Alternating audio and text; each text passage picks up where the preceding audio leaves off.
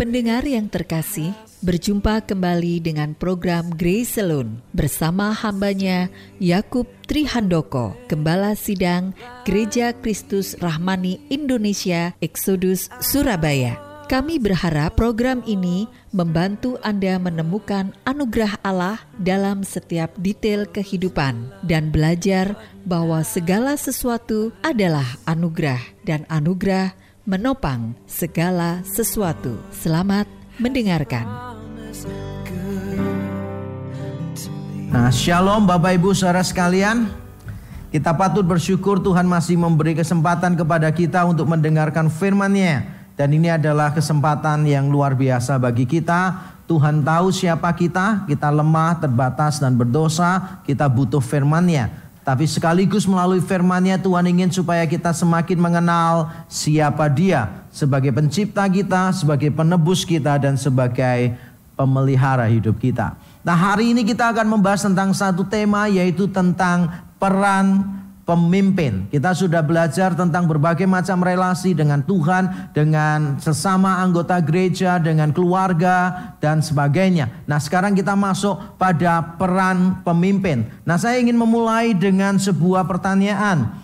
Tiga kata apa yang langsung muncul dalam pikiran kita ketika kita mendengar kata pemimpin? Kata apa yang langsung muncul terbersit di dalam pikiran kita? Nah jawabannya pasti berbeda-beda. Mungkin ada yang pemimpin langsung teringat Donald Trump. Saya tidak tahu apakah Kim Jong Un. Ya saya tidak tahu. Ketika sudah mendengar kata pemimpin apa yang ada dalam pikiran saudara. Tapi kalau saya boleh menebak. Mungkin saudara akan memikirkan tentang posisi. Saudara memikirkan tentang jabatan. Saudara memikirkan tentang kuasa. Karena memang itu sangat wajar sekali. Kalau orang ditanya pemimpin Kata apa yang muncul langsung berkaitan dengan pemimpin, kita langsung secara spontan menjawab, ya posisi, jabatan, kuasa. Dan jawaban ini adalah jawaban yang wajar. Tapi apakah jawaban yang wajar menjadi jawaban yang benar? Itu persoalan yang berbeda. Dunia menawarkan seperti itu, tapi sayangnya gereja justru menjadi sama dengan dunia. Konsep gereja tentang kepemimpinan ternyata menjadi semakin sama dengan dunia. Gereja seharusnya mengubah dunia, tapi kenyataannya adalah dunia masuk ke dalam gereja dan gereja diubah oleh dunia. Karena itu kita melihat carut marut perebutan kekuasaan di dalam gereja. Orang saling menjatuhkan bukan cuma ada di sana-sana saudara. Di lembaga pemerintahan pada dunia politik. Tetapi juga terjadi di dalam gereja. Orang bermain macam-macam untuk mendapatkan kekuasaan bukan cuma terjadi di tempat kerja. Tetapi juga terjadi di dalam gereja. Padahal ini adalah situasi yang sangat ironis sekali, saudara. Ini ironis sekali. Saudara perlu tahu bahwa all that matters is leadership.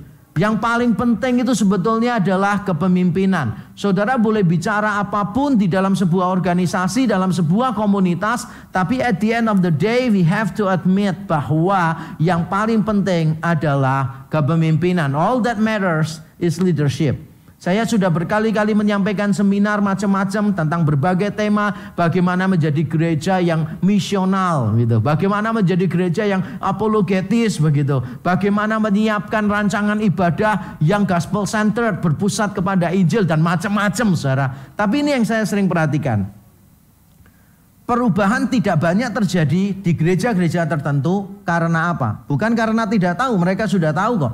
Perubahan tidak terjadi karena faktor pemimpin. Saya masih ingat saudara, berapa kali setelah seminar pelatihan ada orang berkata begini, waduh Pak Yakob ini penting untuk kita lakukan loh sebetulnya. Waduh ini bahan yang bagus sekali. Tapi sayang Pak, paling gembala sidangnya juga nggak akan setuju pak. Pasti ya banyak alasan lah pak. Pemimpin kita ini kayak begitu gitu. Tapi nanti saudara kalau saya bertemu dengan gembala sidangnya dia akan berkata hal yang sama gitu. Waduh tadi bagus sekali pak Yakob. Tapi sayang majelis-majelis di sini susah untuk diajak maju begitu. Saya pernah ada di dalam satu gereja majelisnya bilang gini pak kita ini ya pak ya kita ini udah siap maju pak. Kita ini ibarat rudal gitu pak, nuklir. Kita ini tinggal dipencet tombolnya on gitu. Langsung sudah meluncur pak, luar biasa pak gitu. Cuma ya itu pak, Hamba Tuhannya, gembala sidangnya tuh loh nggak berani pencet tombolnya pak. Penakut dia, pemimpin tapi nggak punya visi yang besar ke depan gitu.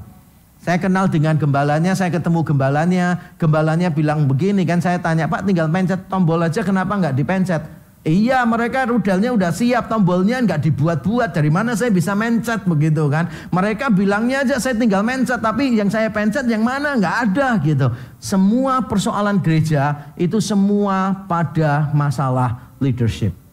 Karena itu kita perlu belajar bersama-sama. Apa sih peran pemimpin di dalam segala sesuatu? Mari kita melihat membaca di dalam Matius 20 ayat 20 sampai 28 kita akan membaca secara bergantian saya membaca ayat yang genap, Bapak Ibu Saudara membaca ayat yang ganjil, begitu seterusnya.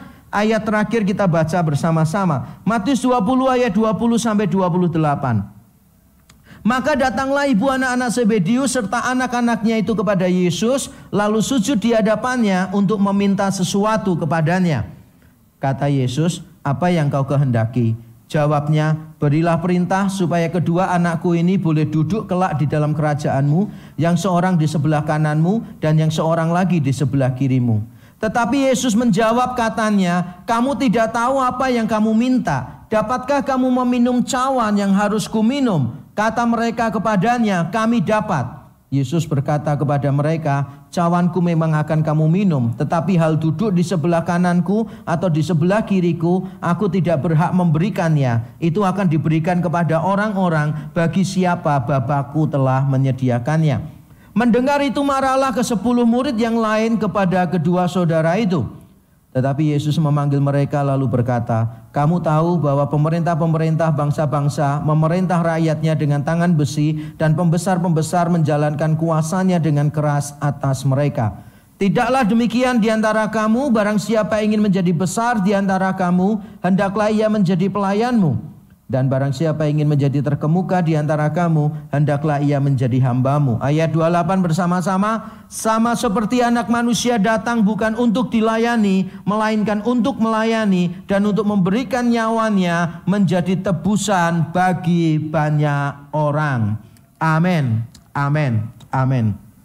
Nah, Bapak Ibu Saudara sekalian, cerita ini saya yakin adalah cerita yang sudah biasa bagi kita. Kita sudah sering mendengar cerita ini berkali-kali. Jadi ada ibu dari Yakobus dan Yohanes, tidak disebutkan namanya siapa, tapi kita tahu suaminya namanya Zebedeus. Tapi ibu ini namanya siapa kita tidak tahu. Jadi ibu ini cuma disebutkan dalam kaitan dengan anaknya, yaitu Yakobus dan Yohanes. Ini mirip pada waktu kita belajar membaca di SD, kita mengenal seorang ibu yang bernama Ibu Budi. Ya, kita tahu Ibu Budi, tapi kita tidak pernah tahu nama aslinya dia itu siapa. Kita cuma tahu ya pokoknya dia adalah Ibu Budi. Nah, di dalam Injil yang lain Saudara itu disebutkan di dalam Injil yang lain itu disebutkan bahwa yang datang itu bukan Ibu Yohanes dan Yakobus.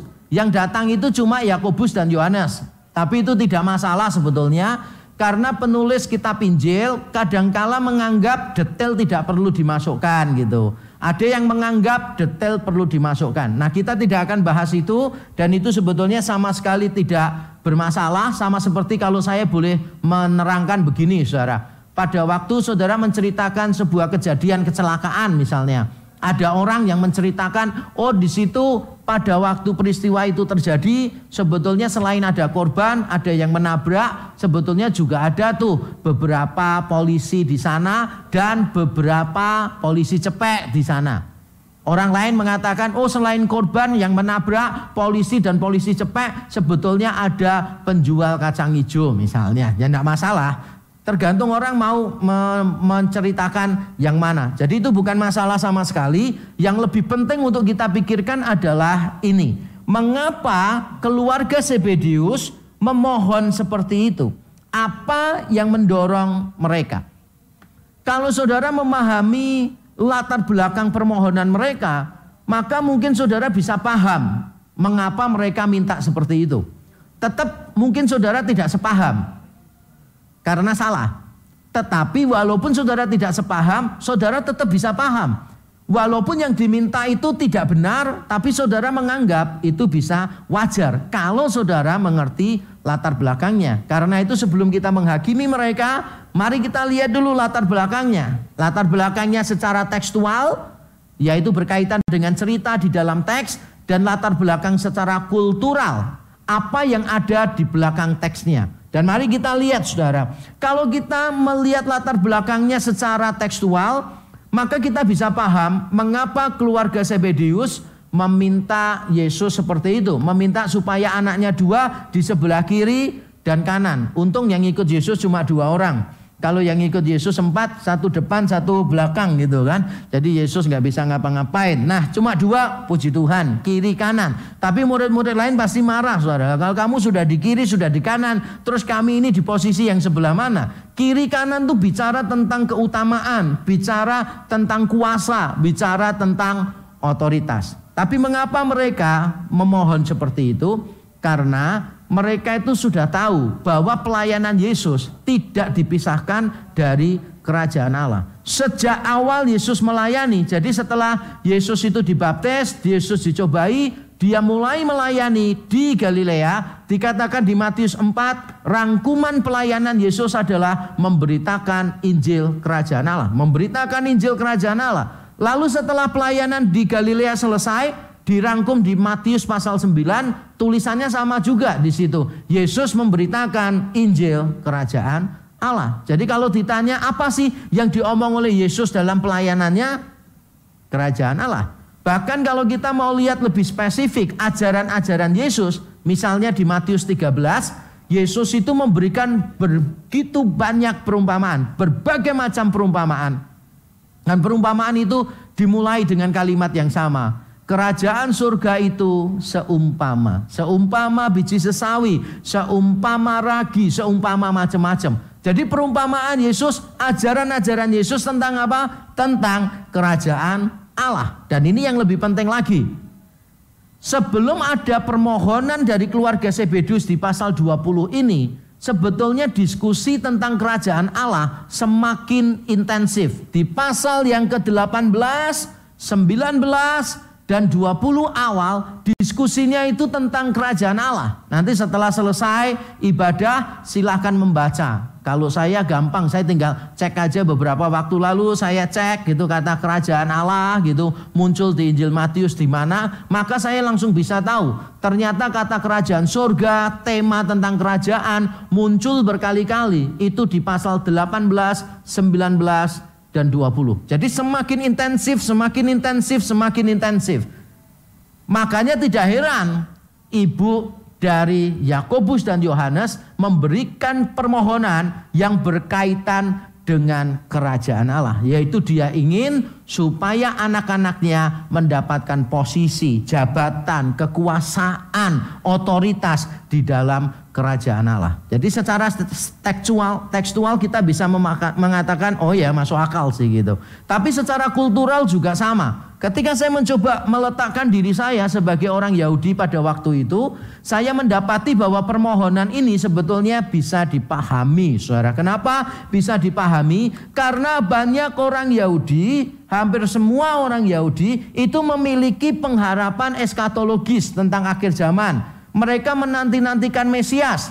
Ada bermacam-macam jenis pengharapan mesianis, tetapi yang paling menonjol adalah Mesias secara politis. Jadi nanti mereka percaya bahwa Mesias itu akan datang dan Mesias itu akan melepaskan bangsa Israel dari tangan penguasa asing. Semua belenggu asing akan dipatahkan, Mesias akan memulihkan kerajaan Israel di muka bumi. Dan nanti kerajaan Israel akan menjadi sangat besar dan paling besar. Semua bangsa dari seluruh penjuru dunia akan datang ke Israel. Nah, kalau Yesus bicara kerajaan, kerajaan, kerajaan, dan mereka melihat, oh iya itu sama kok yang diajarkan Yesus dengan yang diajarkan oleh orang-orang lain sebelumnya. Jadi pengharapan mesianis mereka juga sama tentang kerajaan Allah. Mesias akan datang untuk menabiskan kerajaan Allah di muka bumi.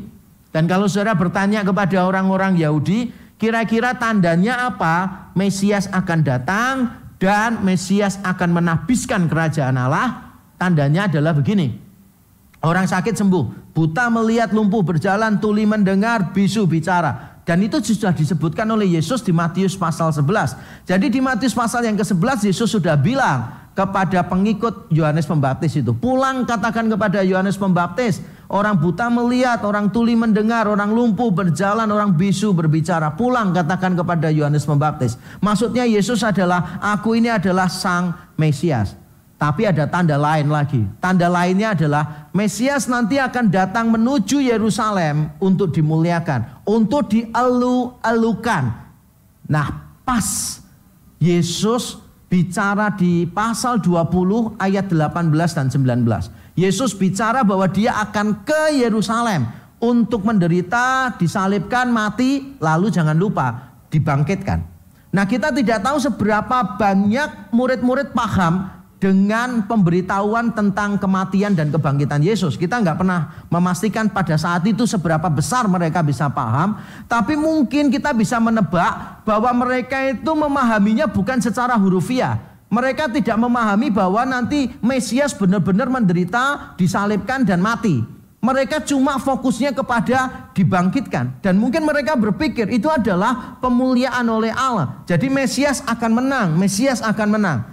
Makanya tidak heran di Matius pasal 20 sebelum teks yang tadi kita baca, sebelum teks yang kita baca, tepat sebelum teks yang kita baca, Yesus mengatakan, "Aku akan ke Yerusalem untuk disalibkan dan dibangkitkan." Lalu ayat 20-nya bilang begini, "Maka datanglah ibu Yohanes dan Yakobus." Ada kata sambung maka jadi ketika Yesus mengatakan, aku akan ke Yerusalem untuk dibunuh dan dibangkitkan. Langsung keluarga Sebedius menangkap, wah ini waktunya kerajaan Allah akan digenapkan di muka bumi. Maka mereka langsung mengambil kesempatan. Maka mereka tidak mau menyia-nyiakan kesempatan. Sebentar lagi kerajaan Allah akan hadir di muka bumi dengan luar biasa. Lalu mereka langsung tanya, guru boleh nggak aku minta? Wajar sekali dong karena sebentar lagi kerajaan Allah akan dinyatakan dan kalau memang benar kerajaan Allah itu secara politis ternyata kan salah. Tapi dalam pikiran mereka, wah ini secara politis. Nanti kalau sudah ada kerajaan Allah, Mesias menabiskannya bagi-bagi kursi, bagi-bagi jabatan dan otoritas. Wah mereka nggak mau kalah start. Karena kalau dia ngomong, maka yang ngomong siapa? Petrus pasti ya kan. Dia nggak mau nanti kedahuluan sama Petrus. Dia akan mulai lebih dulu karena dia tahu ini kiri, ini kanan. Sedangkan murid Yesus yang dekat dengan Yesus siapa? Tiga orang kan, Yakobus, Yohanes, sama Petrus. Mungkin mereka punya pikiran begitu, tapi saya nggak mau nebak-nebak lah karena tidak ada di teksnya. Tapi saya bisa paham pokoknya mengapa mereka mengajukan permohonan seperti itu. Tapi sekali lagi apa yang wajar belum tentu benar. Nah, yang menarik menurut saya adalah begini. Mereka ini meminta dengan sikap yang benar, sikap tubuhnya benar. Ketika datang ibu Yakobus dan Yohanes ini, walaupun lebih tua dari Yesus, kemungkinan besarnya begitu, dia tidak sungkan-sungkan untuk sujud di depan Yesus. Dia sujud di depan Yesus, sikap tubuhnya benar. Tapi persoalannya isi doanya yang salah. Bukankah sering kali kita melihat itu saudara. Sikap tubuhnya benar, sikap hatinya salah. Sikap tubuhnya benar, sikap hatinya salah. Kalau berdoa itu kelihatannya kayak semangat luar biasa. Mengangkat tangan lah, begitu kan ada beberapa tangannya digerak-gerakkan gitu kan. Wah keren-keren sih di beberapa gereja itu kalau saya lihat cara orang berdoa itu kan luar biasa gitu saudara. Salah tidak? Tidak salah.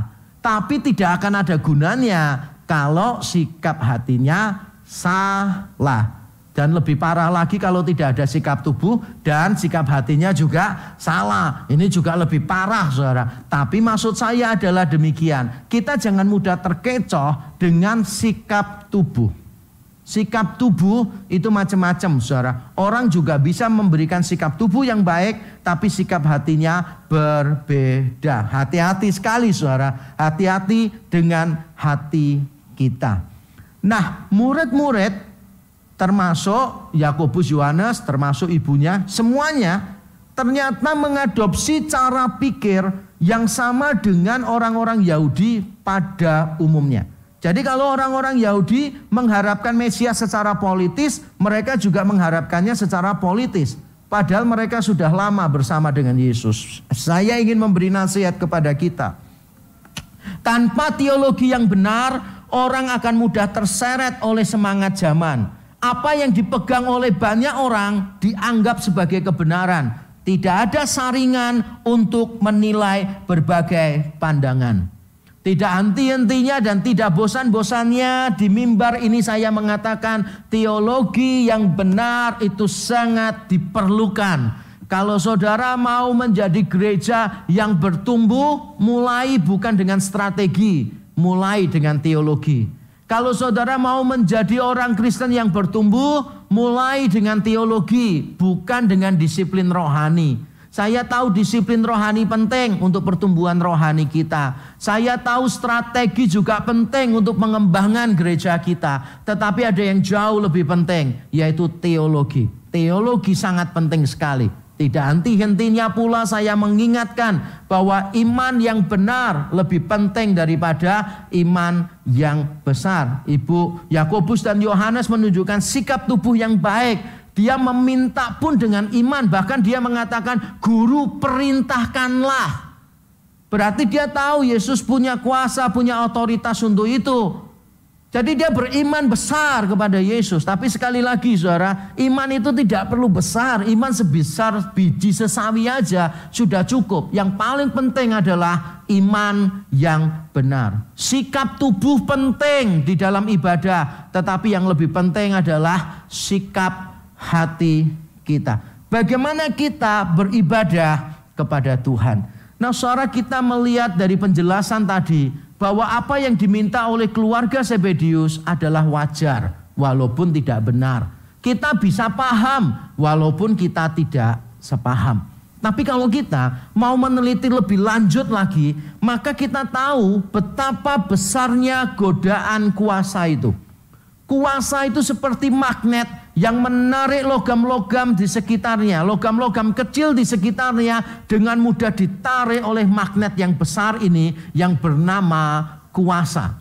Saudara jangan berpikir bahwa saudara akan aman dengan kuasa. Mungkin saudara berpikir saya ini orangnya minder kok malahan. Saya ini orangnya introvert kok. Saudara jangan salah sangka. Justru orang-orang yang ambisius terhadap kuasa itu ada orang yang introvert, ada orang yang minder dan sebagainya. Kuasa itu tidak mengenal temperamen, tidak mengenal sifat seseorang, Saudara. Kuasa itu begitu menggoda sehingga kita itu ibarat logam-logam kecil di dekat magnet yang besar itu.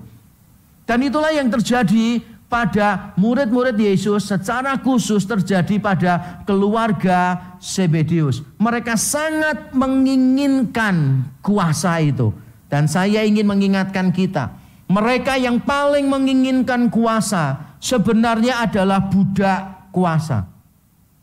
Bukan mereka yang memegang kuasa, tetapi kuasa yang mencengkeram hati mereka. Kuasa telah membutakan mata hati mereka. Saudara hati-hatilah dengan kuasa.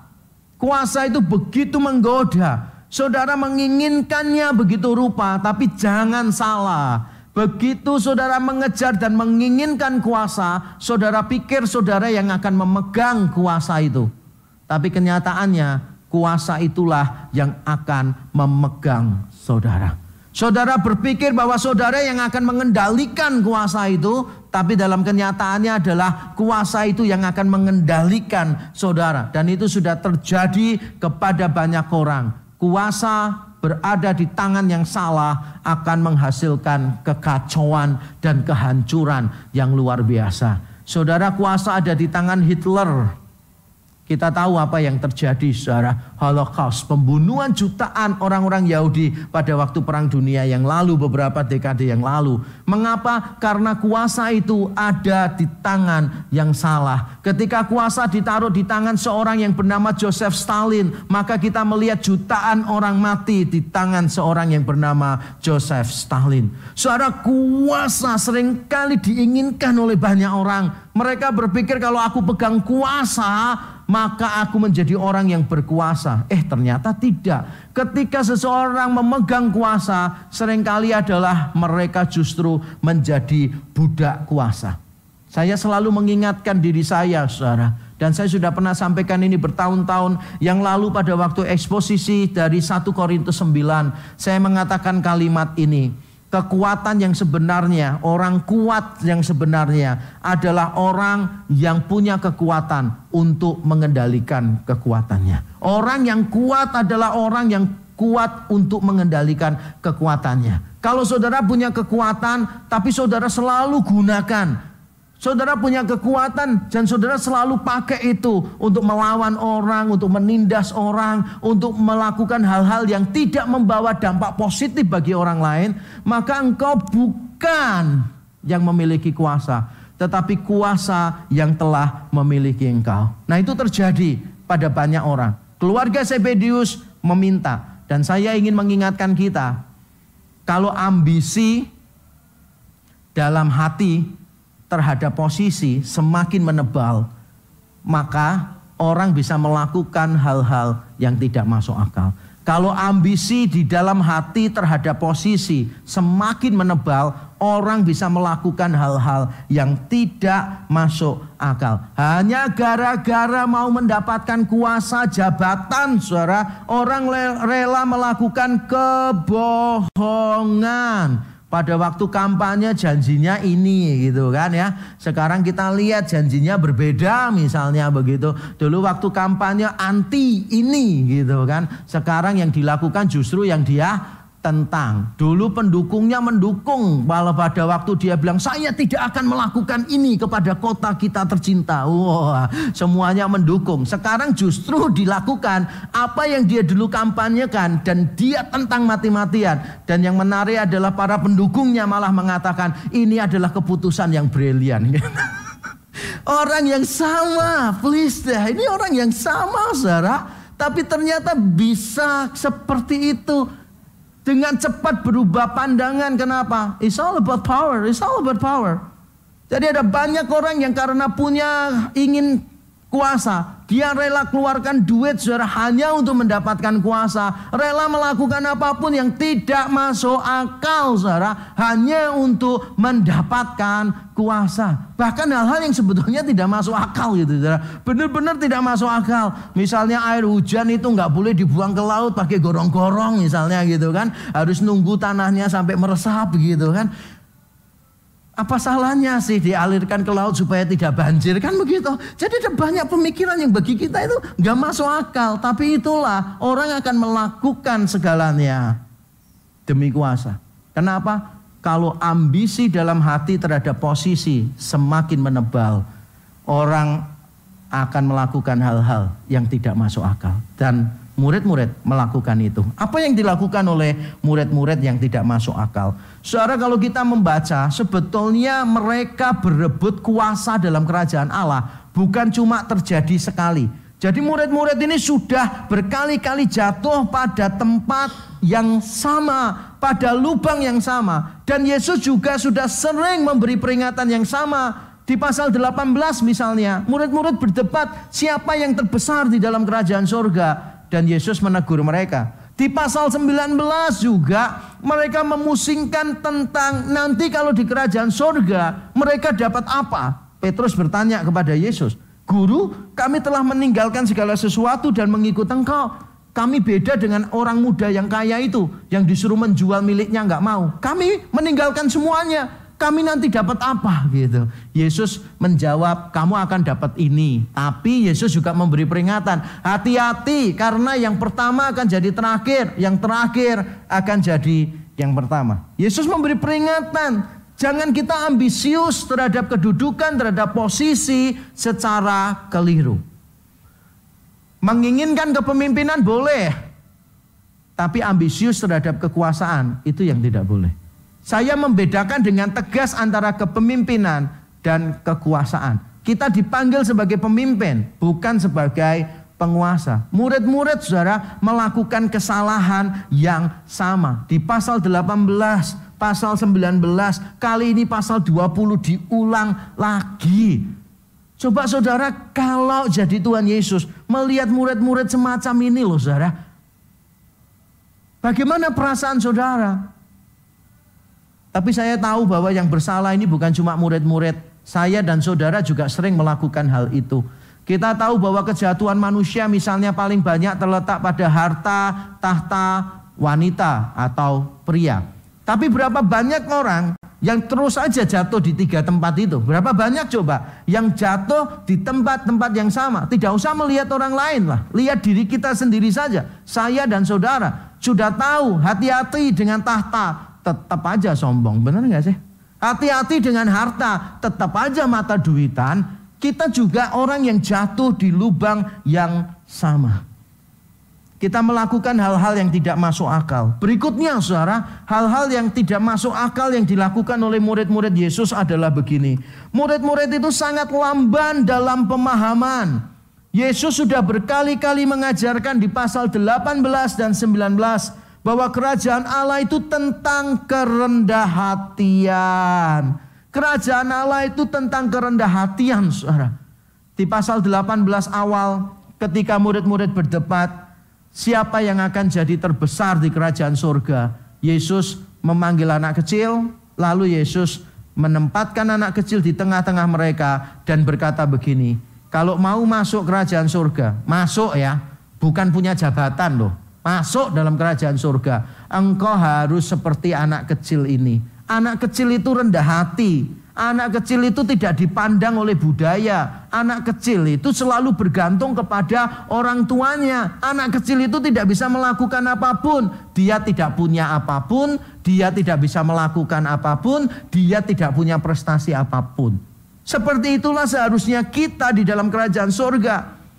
Kita menyadari bahwa untuk masuk pun kita tidak layak. Untuk masuk pun kita tidak melakukan sesuatu. Kita diselamatkan only by His grace. Hanya oleh anugerahnya saja. We have nothing to be proud of. Kita tidak punya sesuatu yang kita bisa banggakan.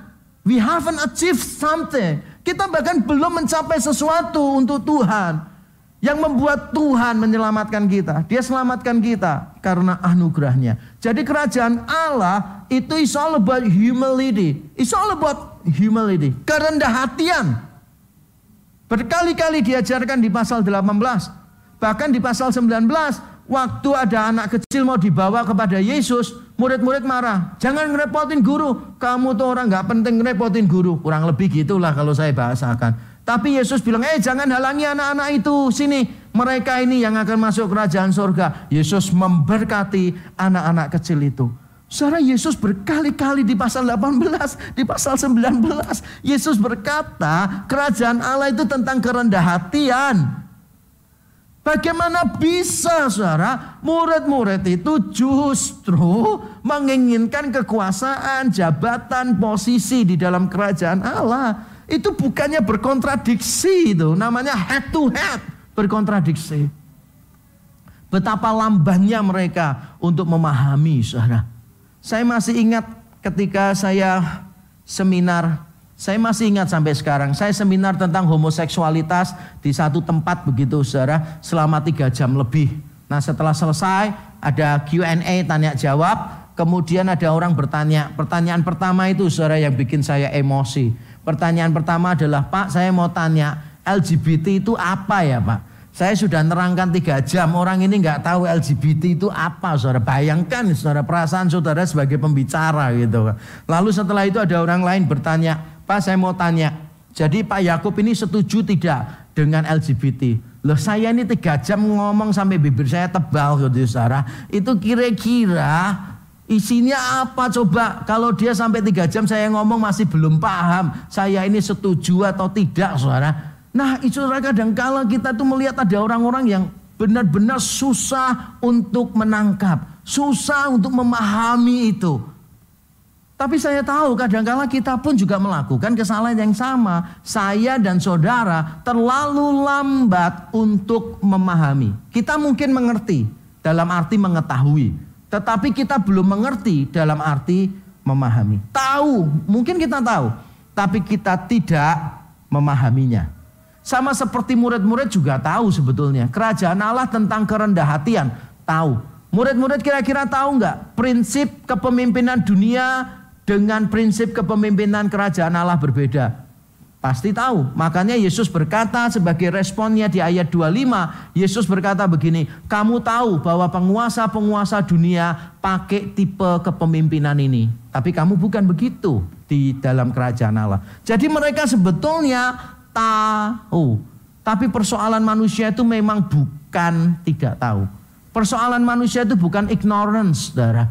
Persoalan manusia bukan tidak tahu. Persoalan manusia adalah tidak mau tahu dan tidak mampu melakukan apa yang mereka tahu. Saya ulang sekali lagi supaya kita paham. Persoalan manusia itu bukan tidak tahu, tetapi tidak mau tahu dan tidak mampu melakukan apa yang mereka tahu. Kenapa bisa terjadi demikian, saudara? Padahal mereka sudah tahu, padahal kebenaran sudah berulang-ulang diajarkan, padahal mereka sudah melihat di depan mata, tapi tetap saja mereka tidak mau tahu dan tidak mampu melakukannya. Karena satu kata saja, dosa.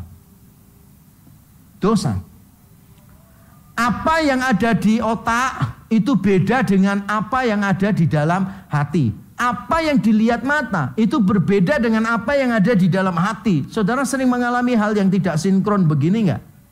Istri saya itu baru-baru terakhir ini berapa minggu terakhir belajar membuat puding, saudara dan pudingnya keren-keren. Jadi dia membuat puding seperti kue lapis, bentuknya itu seperti kue lapis. Nah kemarin dia membuat puding, keren banget hasilnya saudara. Dia membuat puding itu bentuknya seperti bakso. Jadi ada bentuk baksonya, ada minyak juga di situ saudara. Jadi ada bentuk-bentuknya seperti bakso. Jadi kalau saudara ngelihat, saudara tidak akan paham bahwa itu puding. Lalu saya dikasih istri saya, Pak ini coba makan Pak. Itu. Saya pertama kali lihat, oh bakso, ya, oke. Okay. Waktu saya makan bakso, kok manis? Itu puding ternyata. Jadi saya itu baru merasa tidak sinkron antara mata dengan lidah itu kayak begitu saudara. Jadi saudara pernah bayangin gak sih itu bentuknya itu benar-benar kayak bakso dan real kayak bakso gitu. Begitu saudara gigit gak ada rasa dagingnya itu puding manis gitu. Saudara kemudian ngambil minyak gitu. Minyak persis seperti mie. Saudara masukkan di mulut. Itu ternyata manis juga rasanya. Kemudian saya ngomong sama istri saya. Kamu lain kali bikin puding-puding aja. Kalau bikin bakso, bakso aja. Karena aku susah untuk mencerna gitu loh. Mana yang aku percayai. Mataku atau lidahku gitu. Kadang-kala hidup kita juga tidak konsisten gitu. We know what to do. But we still don't do it. Kita tahu apa yang sesuatu tapi kita tidak melakukan apa yang kita ketahui. We know it. We know that we have to do it, but we don't do it. We are unable to do it. Karena semua berkaitan dengan dosa. Hal lain lagi saudara, yang membuat saya mengerti bahwa permintaan mereka itu sebetulnya hal yang tidak masuk akal adalah begini. Murid-murid ini tidak peka terhadap keadaan. Sejak pasal 16 Yesus pertama kali memberitahu bahwa dia akan menderita. Dan ini diulang lagi di pasal 17 bahwa dia akan menderita. Dan puncaknya saudara tahu Yesus memberitahu kapan dia menderita. Puncaknya kapan? Yaitu tepat dua ayat sebelum permohonan keluarga Zebedius. Jadi keluarga Zebedius mohon supaya anak-anaknya itu dapat kuasa di kerajaan Allah. Itu pasal 20 ayat 20. Jadi ayat 20 mohon. Saudara tahu ayat 19 dan 18-nya isinya apa? Yesus memberitahu mereka bahwa sebentar lagi dia akan menderita di Yerusalem, dia akan disalibkan bla bla bla bla bla bla. Jadi gurunya itu sedang ngomong, aku ini sebentar lagi ke Yerusalem menderita gitu. Tiba-tiba maka ibu Yakobus Yohanes meminta anak-anaknya supaya diberi kuasa. Sedangkan gurunya sendiri sedang menuju penderitaan. Saudara ini benar-benar permintaan yang tidak masuk akal sebetulnya. Tapi itulah yang terjadi kalau ambisi dalam hati terhadap posisi semakin menebal. Orang akan melakukan hal-hal yang tidak masuk akal. Ini buktinya saudara. Gurunya loh saudara sebentar lagi akan menderita. Masakan mereka masih memusingkan hal yang lain. Paling tidaklah walaupun mereka itu tidak menunjukkan simpati yang seperti apa. Jangan seperti Petrus juga di pasal 16. Guru jangan ke Yerusalem. Hal itu tidak akan terjadi. Malah dimarahi Yesus. Tapi walaupun tidak seperti Petrus paling tidak akan ngomong guru ikut sedih ya. Gitu loh. Nanti kalau guru menderita ikut sedih ya. Nanti kalau ada apa-apa tolong kabarin. Paling tidak tuh nunjukkan simpati gitu. Kalau nunjukkan simpati nggak bisa. Paling tidak jangan ngomong apa-apa gitu loh saudara. Ini penting untuk kita perhatikan. Karena banyak orang itu kalau mengunjungi orang yang sedang susah. Setelah pulang orangnya tambah susah saudara.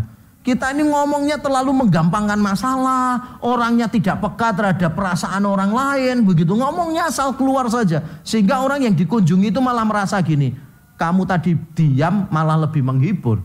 Begitu ngomong tambah menyakitkan. Nah ini yang paling menyakitkan. Gurunya bilang sebentar lagi menderita. Malah mereka berebut kuasa. Tidak masuk akal kan? Tidak masuk akal. Seorang, dua orang sebetulnya. Dua orang penafsir Alkitab yang menulis satu buku bersama-sama. Yaitu Davis and Ellison saudara. Dalam satu tafsiran yang saya suka juga. Tafsirannya sangat akademis sekali tapi kalau saudara tidak bisa bahasa Yunani, Ibrani, Aramik, dan yang lain-lain, saya sarankan tidak beli buku ini karena sering kali kalau seri ini mengutip dari tulisan-tulisan bahasa asli dia tidak kasih terjemahannya. Jadi diasumsikan pembacanya langsung tahu gitu. Jadi saya cuma tampilkan buku ini untuk kasih tahu saudara bahwa saya bisa semua bahasa itu. Sombong ya. Bukan ya, saya nggak bisa semua bahasanya. Coba cuma saya punya bukunya supaya kelihatan pinter saja. Nah, di dalam tafsiran mereka berdua, Davis dan Ellison terhadap ayat tadi, kalau saya terjemahkan, mereka berkata begini, saudara. Kesendirian Yesus dalam menghadapi penderitaannya sebenarnya sudah dimulai di sini. Dimulainya bukan di Taman Getsemani, waktu murid-murid melarikan diri, waktu Yudas menjual Yesus dan waktu Petrus menyangkali. Bukan.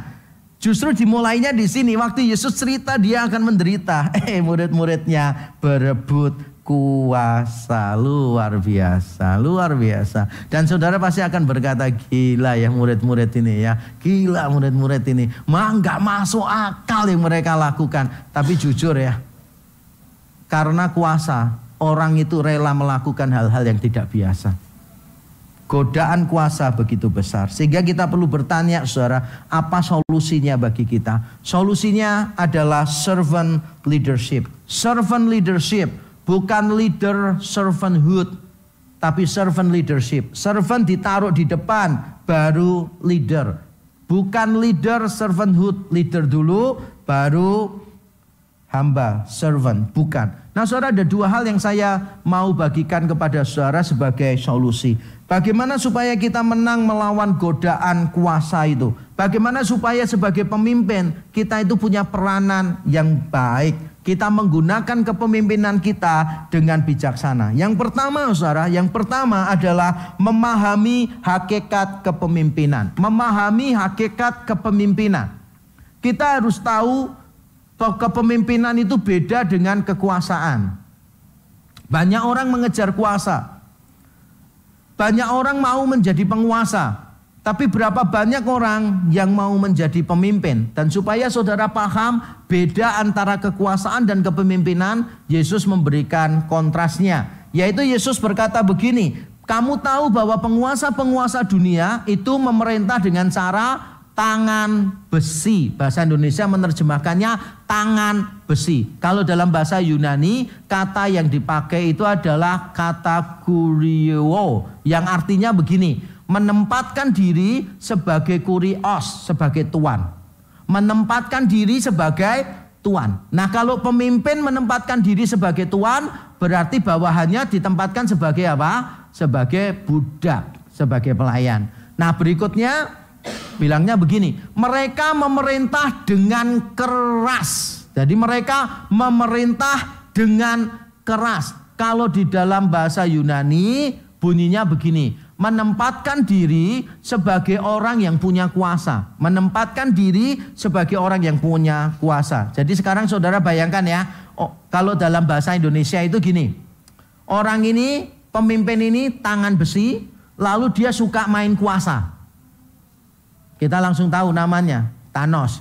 Musuhnya Iron Man, saudara. Karena dari besi dan dia main kuasa begitu, menindas orang-orang. Atau kalau boleh saya sarikan dalam kalimat yang lain, kata guriweo gitu, menempatkan diri sebagai tuan gitu dan kata kata yang berikutnya adalah kata exusiatso menempatkan diri sebagai orang yang punya kuasa kalau boleh saya ringkas kata Yunani ini artinya dua yaitu kepemimpinan sebagai penaklukan dan penundukan. Kepemimpinan sebagai penaklukan dan penundukan. Dan Yesus mengajarkan kepada kita sesuatu yang berbeda. Kepemimpinan itu tentang pelayanan dan penghambaan. Yesus berkata kalau ada orang di antara kamu yang mau jadi yang paling besar, mau yang jadi paling utama, jadilah pelayan, diakonos. Lalu Yesus nambahkan untuk penekanan, bukan cuma diakonos, tetapi jadilah dulos. Diakonos itu pelayan, dulos itu hamba, budak, saudara. Jadi kalau saudara mau jadi pemimpin, ingat Saudara jadi pemimpin, saudara jadi hamba, jadi pelayan. Mungkin saudara bingung. Loh, kalau jadi pemimpin kan kita di atas. Kalau hamba kan di bawah. Bagaimana bisa? Bagaimana kita mengharmonisasikan ini? Nah ini dia cara saya untuk melihatnya. Tidak ada kontradiksi antara jabatan sebagai pimpinan dengan peranan sebagai pelayan. Jadi garis bawahi jabatan dan peranan. Tidak ada kontradiksi antara jabatan sebagai pimpinan dengan peranan sebagai pelayan. Jabatan adalah sarana pelayanan. Semakin tinggi jabatan, semakin tinggi efektivitas pelayanan. Jadi saudara harus melihat jabatan dan peranan bukan sebagai musuh bebuyutan. Kalau saudara memandangnya sebagai musuh bebuyutan, maka saudara pasti akan milih salah satu, entah jabatan, entah peranan. Dan saudara saya tebak akan memilih jabatan, karena jabatan lebih menyenangkan daripada peranan. Tapi sebagai orang-orang yang di dalam kerajaan Allah, kita punya prinsip kepemimpinan sendiri, saudara, bahwa jabatan itu adalah sarana pelayanan. Jadi yang paling penting mana? Jabatan adalah sarana pelayanan. Yang paling penting adalah pelayanan. Sama seperti penyanyi dan mikrofon. Penyanyi dan mikrofon penting mana? Penting penyanyi. Karena tanpa mikrofon tetap kita bisa dengarkan suaranya. Tapi mikrofon tanpa penyanyi tidak akan ada artinya apa-apa. Nah kita harus menyadari bahwa jabatan itu adalah sarana pelayanan. Semakin tinggi jabatan kita, Semakin banyak peranan kita, semakin besar dampak kita di dalam kerajaan Tuhan. Harusnya itu yang kita pikirkan. Jadi semakin tinggi jabatan kita, harusnya semakin efektif peranan kita. Kalau sampai jabatan menghalangi kita untuk berperan, maka saudara lebih baik buang jabatan itu deh. Saya selalu ngajarkan ini di mahasiswa teologi. Kalau jabatan membuat kamu kurang efektif bagi Tuhan, lepaskan jabatan. Karena jabatan itu bukan beban, saudara. Jabatan itu sarana supaya kita bisa bergerak lebih cepat gitu. Untuk apa kita pertahankan jabatan? Yang paling penting itu peranan. Tapi ini beda dengan dunia memang. Saya berapa kali kan tahulah saudara. Namanya jadi hamba Tuhan itu kan ya gampang-gampang susah ya kan. Banyak gampangnya daripada susahnya. Sebab kan gampangnya dua. Susahnya tadi satu. Gampang-gampang susah. Minimal untuk saya jadi pendeta itu gampang-gampang susah. Ada beberapa teman bilang susah-susah gampang gitu. Ada yang bilang susah-susah menderita. Nah itu pelayanannya beda sih kalau gitu. Secara gampang-gampang susah. Jadi hamba Tuhan itu dicintai orang ya kan karena hamba Tuhan gitu. Dulu saya mengajar kepada jemaat di sini juga begitu. Tiap kali makan selalu saya dibayarin. Terus saya bilang nggak bisa gitu, gantian saya yang bayar gitu. Nggak usah pak, loh saya yang bayar, mumpung ini harganya murah, saya yang bayar gitu.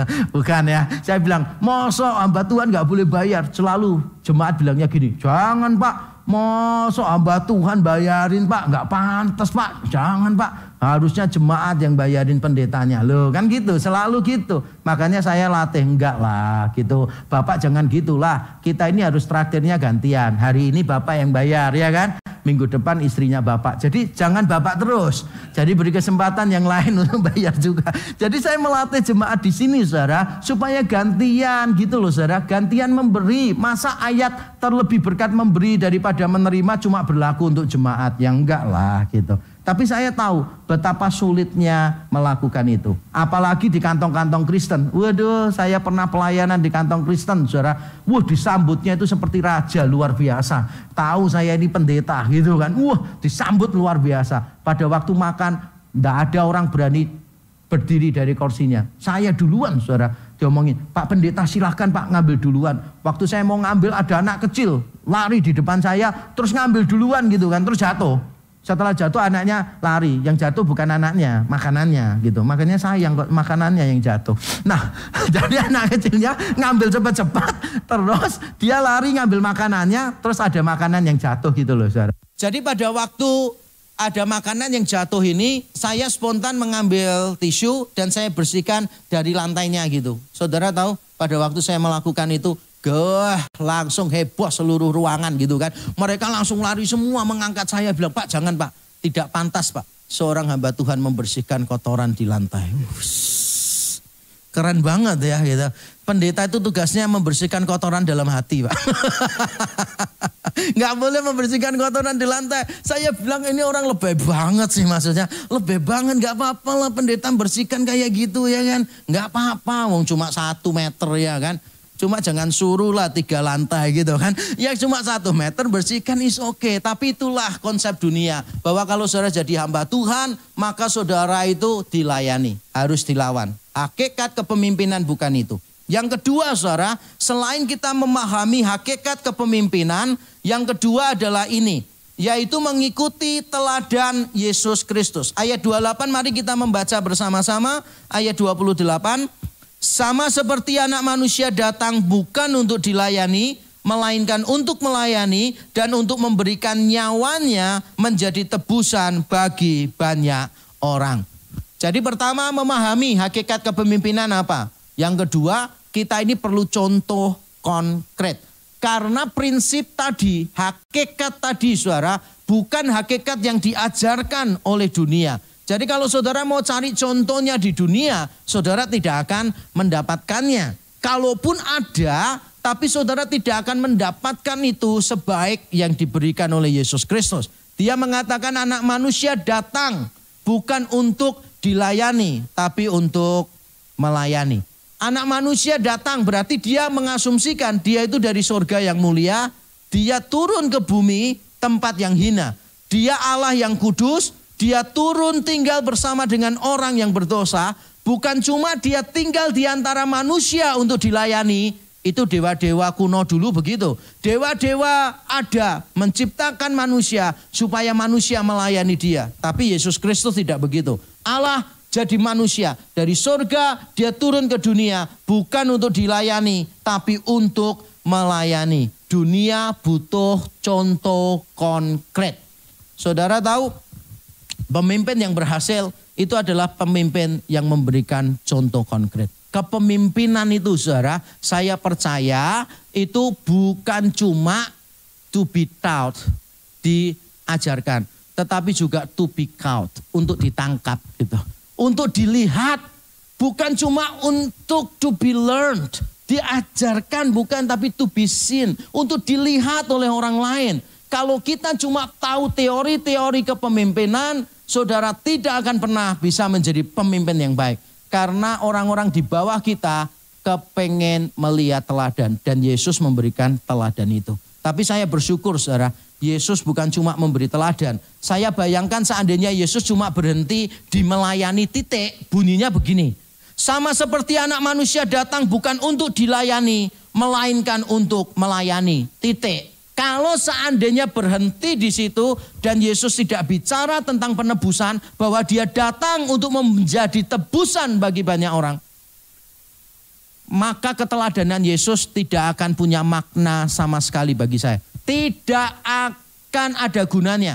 Yesus datang, ini loh aku datang bukan untuk dilayani, tapi untuk melayani. Saya akan berkata begini, oke okay, sekarang saya tahu tapi karena saya tahu, apakah berarti saya mau tahu? Belum tentu. Karena dosa sekali lagi menguasai hati saya. Oke, saya tahu Yesus memberikan teladan. Tapi apakah saya mampu? Kalaupun saya mau tahu, apakah saya mampu meneladani Yesus? Saya juga pasti tidak akan mampu meneladani Yesus. Saya orang berdosa yang dikuasai oleh natur yang berdosa. Tidak ada harapan bagi saya untuk menjadi seperti Yesus. Bahkan mungkin saudara, teladan yang baik itu akan saya sikapi dengan cara yang salah. Saya akan memberikan alasan-alasan yang buruk untuk tidak mengikuti teladan yang baik. Saya akan kasih alasan, ya jelas dia Yesus lah. Kalau saya kan bukan gitu. Kita sering nggak orang lain ngomong gitu? Sering nggak kita berkata begitu? Lah itu Yesus. Saya pernah memberitahu orang kan gitu.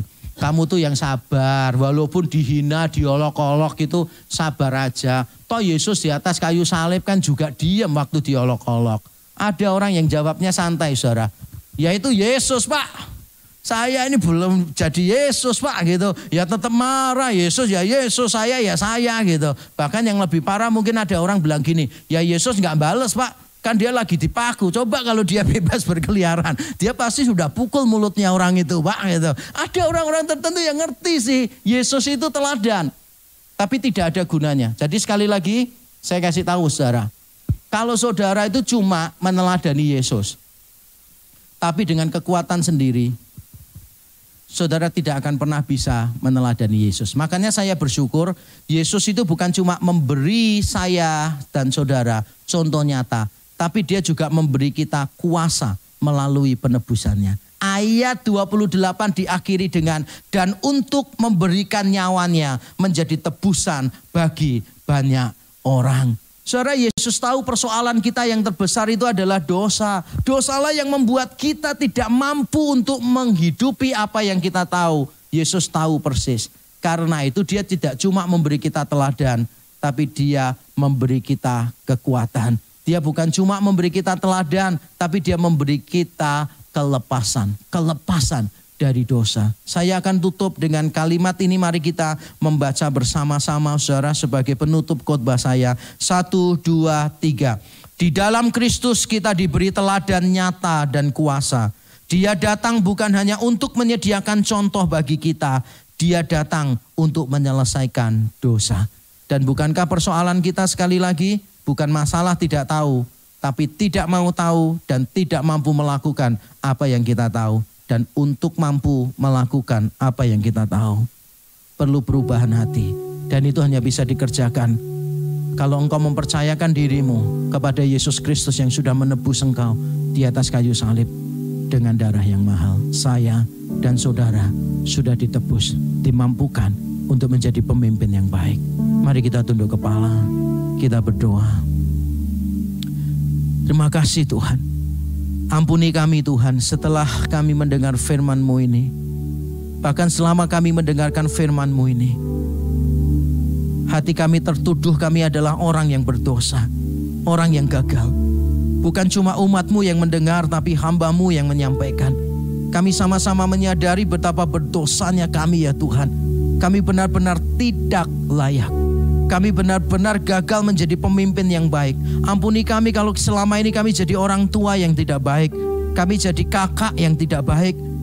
Jadi pimpinan di tempat kerja yang tidak baik. Kami menjadi pimpinan di gereja juga tidak baik. Tuhan ampunilah kami semuanya ya Tuhan. Dan biarlah kami selalu mengingat bahwa jabatan adalah sarana pelayanan. Semakin tinggi jabatan yang Tuhan beri, seharusnya semakin tinggi efektivitas pelayanan kami.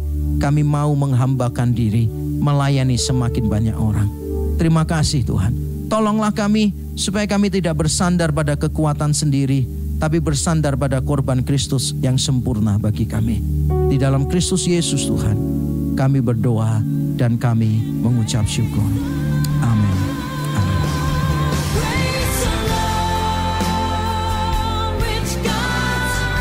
Demikian tadi telah kita dengarkan program Grace Salon. Kami berharap pendengar diberkati melalui program ini. Bila ada pertanyaan atau saran untuk program Grace Salon, silahkan menghubungi Grace Salon Ministry di nomor 0822 333 49 atau silahkan mengunjungi web kami di www.gracelone.id. Tuhan memberkati.